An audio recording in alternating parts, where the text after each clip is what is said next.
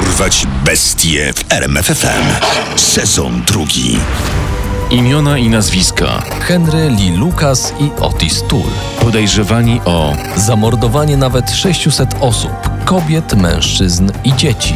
szczególne zainteresowania. Henry Lee Lucas. Nekrofilia, Otis Toole, podpalenia, kanibalizm. Skazani na Karę śmierci. W obu wypadkach nie wykonano. Są powiedzmy lata 60. albo 70. lub wczesne 80. Autostradą słonecznej Kalifornii, a może to zachodnia Georgia, jedzie dwóch mężczyzn, dwóch dobrych kolegów, w zasadzie nawet kochanków. Ale lepiej nie wyciągać kciuka i nie próbować łapać ich na autostop. To Henry Lee Lucas i Otis Toole, dwaj zwyrodnialcy, okrzyknięci największymi seryjnymi mordercami w historii Ameryki. Przez ponad 20 lat terroryzowali kraj, przemieszczając się od stanu do stanu. Na swoje ofiary, a mieli ich na koncie może nawet kilkaset, często wybierali właśnie autostopowiczów. A przede wszystkim autostopowiczki. Zresztą nie byli specjalnie wybredni, z ich ręki zginąć mógł każdy. Dziecko, przypadkowy sprzedawca czy bankier. Choć nieco różnili się w upodobaniach i w metodach. Henry Lee Lucas zabijał, gdy uważał, że ktoś na to zasłużył. Potem często gwałcił ofiarę. Otis mógł strzelić komuś w głowę od tak, a zdarzało mu się również poczęstować zwłokami. Zeznając podczas procesu, Lucas stwierdził: Istnieje różnica między mną a Otisem. On po prostu zabijał, kiedy miał na to ochotę. Ja przynajmniej ich wcześniej ostrzegałem. Jak i kiedy się to wszystko zaczęło? Jak to najczęściej bywa w dzieciństwie. W obu przypadkach Lucasa i Tula nie były to sielskie lata, anielskie. Henry Lee Lucas urodził się w 1936 roku w Blacksburgu, w stanie Virginia. Jego matka, Viola, była prostytutką, a ojciec, Anderson, alkoholikiem. Henry w zasadzie od pierwszych dni życia był karany, głodzony i bity. Matka zmuszała go do patrzenia na swoje łóżkowe wyczyny z klientami. Jedyna miłość, która przewinęła się przez ten dom, była miłością płatną. Często zresztą słabo płatną, bo matka potrafiła się oddawać choćby za butelkę taniego wina. Nic dziwnego, że mały Henry nie był nauczony uczuć wyższych i całe dnie poświęcał na torturowaniu zwierząt. Co ty dziś robiłeś, gówniarzu? Przejechałem kota na rowerze i wyrwałem nogi żabie. Było super. W domu Lukasów nie było prądu i wody. Nie było nawet podłogi, a jedynie klepisko, na którym spali Henry, jego dziewięcioro rodzeństwa i rodzice. Pewnego dnia Wiola Lukas tak bardzo zbiła chłopaka, że zraniła go w lewe oko, które trzeba było usunąć i zamienić na szklane. Dziesięcioletni Henry był także uzależniony od alkoholu. W nauk wpędził go ojciec, który po tym jak pijany upadł na torę kolejowej i stracił obie nogi, założył domową wytwórnię bimbru. Mały Lukas miał tam zajęcie w charakterze testera. No, synek, próbuj! Nie zaszkodzi ci! No, porządny łyk, o! Dobry chłopak! Mimo wszystko ojciec był jedyną osobą, z którą Henry się liczył i która okazywała mu choć odrobinę życzliwości. Po jego śmierci serce małego Lukasa całkiem zmieniło się w kamień. Stał się totalnym degeneratem. Jako trzynastolatek przychwalał się, że udusił koleżankę, bo nie chciała z nim iść do łóżka. Nigdy nie udało się potwierdzić tej zbrodni, ale już same przychwałki nie świadczyły o prawidłowym rozwoju chłopaka. Ej, ale serio. Najpierw ją stłukłem, potem zmusiłem do seksu, a na koniec zaciukałem. Henry staczał się coraz bardziej. Brał narkotyki, pił, kradł, uprawiał seks z kim popadnie. Wylądował nawet w poprawczaku w Beaumont w stanie Virginia za włamanie. Po wyjściu pracował na farmie, ale wkrótce trafił, tym razem już do więzienia, oskarżony o włamanie. Pewnego dnia, gdy w ramach prac społecznych pracował jako robotnik drogowy, udało mu się uciec z kradzionym samochodem. W końcu został schwytany, ale podczas dwumiesięcznej ucieczki poznał dziewczynę o imieniu Stella. Gdy wyszedł na wolność, skontaktował się z nią i poprosił ją o rękę. Stella zgodziła się, ale na drodze do szczęścia młodych stanęła matka Lukasa, Viola. Przyjechała do domu Opal, przyrodniej siostry Henry'ego, u której ten mieszkał po wyjściu z więzienia i przy Stelli zrobiła synowi awanturę. No pewnie, rzęcie ty samolubny idioto! A kto się będzie opiekował matką na stare lata? Stella, widząc, że to nie jest towarzystwo dla niej, zerwała zaręczyny. Wściekły Henry nie mógł tego darować matce. Wywiązała się między nimi bójka. Jak zeznał później policjantom, Pamiętam tylko, że uderzyłem ją w kark.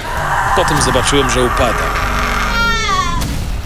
Kiedy chciałem ją podnieść, zdałem sobie sprawę, że już nie żyje. dopiero później zobaczyłem, że trzymam nóż, a matka leży pocięta. Był 11 stycznia 1960 roku. Henry Lee Lucas na 10 lat trafił do więzienia. Tam zaczął słyszeć głosy, które miały z niego drwić, w tym głos matki nakłaniający go do samobójstwa. Został przeniesiony do szpitala psychiatrycznego, gdzie nafaszerowano go psychotropami i poddawano elektrowstrząsom. Ostatecznie wyszedł na wolność. Szybko poznał kobietę, Betty Crawford, z którą równie szybko wziął ślub. Niestety sielanka nie trwała długo. Kobieta oskarżyła go o to, że molestuje jej nieletnie córki i wyrzuciła go z domu. Znów trafił do więzienia. W tamtejszej bibliotece dokształcał się w dziedzinie prawa.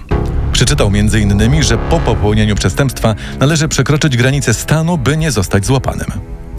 W tamtejszej bibliotece dokształcał się w dziedzinie prawa. Przeczytał m.in., że po popełnieniu przestępstwa należy przekroczyć granicę stanu, by nie zostać złapanym.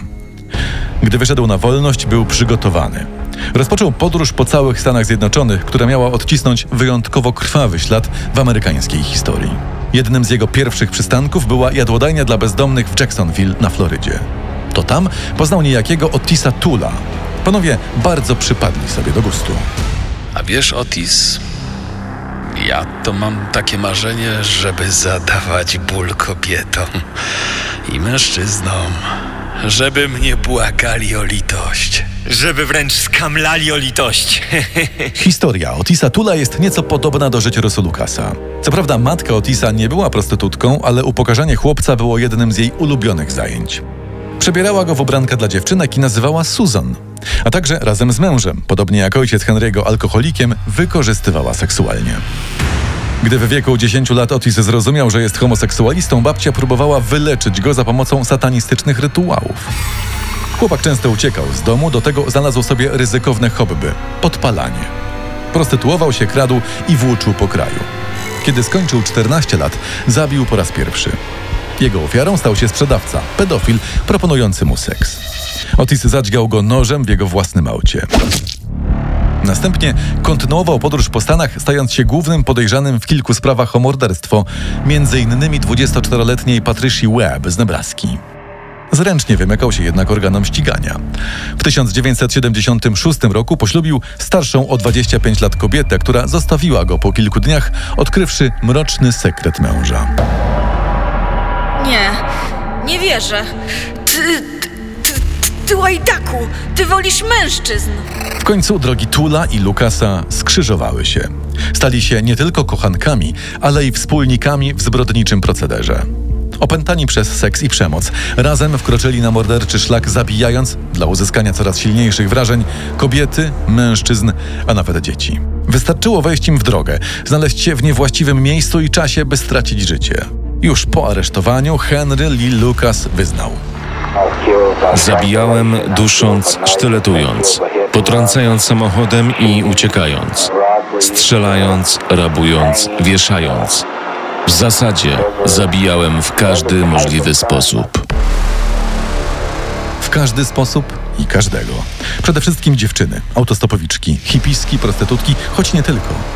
Najpierw obaj mężczyźni odbierali im życie, a później bezcześcili ich ciała. Gwałcili, ćwiartowali, a na koniec zjadali. W zasadzie zjadał Otis, który gustował w ludzkim mięsie. Twierdził, że skonsumował około 150 osób. Po uczcie resztę zwłok mordercy rozrzucali w promieniu kilkunastu kilometrów, by trudniej było zidentyfikować ciała. Jedną z najstraszniejszych zbrodni, za którą najprawdopodobniej stał Tool, było zamordowanie sześcioletniego Adama Walsha. Otis zaczepił chłopca na parkingu przed centrum handlowym. Hej mały, nie chcesz czasem cukierka? Mam też fajne zabawki w aucie. Chodź, pokażę ci. Gdy chłopczyk stwierdził, że chce wracać do domu i zaczął płakać, Tul uderzył go pięścią w twarz, a następnie bił, dopóty, dopóki sześciolatek nie stracił przytomności. Potem go zgwałcił, poćwiartował jego zwłoki maczetą i odciął głowę, którą przez kilka dni trzymał w samochodzie. Otis był także autorem makabrycznej zbrodni na swoim kochanku, George'u Sonnenbergu, z którym spotykał się na początku lat 80., gdy znudził się Lukasem. Po tym jak Sonnenberg zerwał z Tulem, ten podpalił go w sypialni. Mężczyzna żył jeszcze przez tydzień i umarł w potwornych męczarniach. Tymczasem Lucas związał się z Becky Powell, nastolatką, która dołączyła do zbrodniczej paczki. Był to bardzo burzliwy związek. Pewnego dnia między kochankami wybuchła kolejna awantura. Henry wyciągnął nóż. Po prostu ją dźgnąłem. W pierś. Chwilę siedziała. A potem upadła. Po zamordowaniu Becky, Lucas odbył z jej zwłokami stosunek seksualny. Potem poćwiartował ciało, umieścił szczątki w trzech poszewkach i porzucił w polu. Jednak nie była to dla niego po prostu kolejna zbrodnia. Po raz pierwszy odczuł wyrzuty sumienia. Podczas przesłuchania przez policjantów przyznał się do winy. Przy okazji wsypał też Otisa Tula. Po wielu latach mordercza para została wreszcie postawiona przed sądem. Proces był trudny. Większości rozczłonkowanych ofiar nie udało się zidentyfikować. W wielu przypadkach pojawiły się wątpliwości co do rzeczywistej winy zbrodniarzy. Obaj pogrywali z wymiarem sprawiedliwości, najpierw przyznając się do morderstw, a potem odwołując zeznania. Obaj prowadzili też ze sobą w więzieniu specyficzne rozmowy przez telefon. To jak cięcie mięsa, co nie? Widziałem ciała poćwiartowane o wiele bardziej niż ty kiedykolwiek widziałeś. Smakują jak prawdziwe mięso. Jak się je podleje sosem barbecue, co nie? Prawda. 15 czerwca 1983 roku sąd skazał Henry'ego Lee Lucasa i Otisa Tula na karę śmierci. Wyroku nie wykonano. Tull zmarł w 1996 roku na marskość wątroby, a Lucas 5 lat później na atak serca. Do dziś nie wiadomo, ile ofiar mieli na sumieniu. Mogło być ich faktycznie 600, a mogło też kilkanaście. Zdaniem śledczych wiele zmrożących krew w żyłach historii obaj mężczyźni po prostu wymyślili. Poznaj sekrety największych zbrodniarzy świata. Dorwać bestie w RMFFM.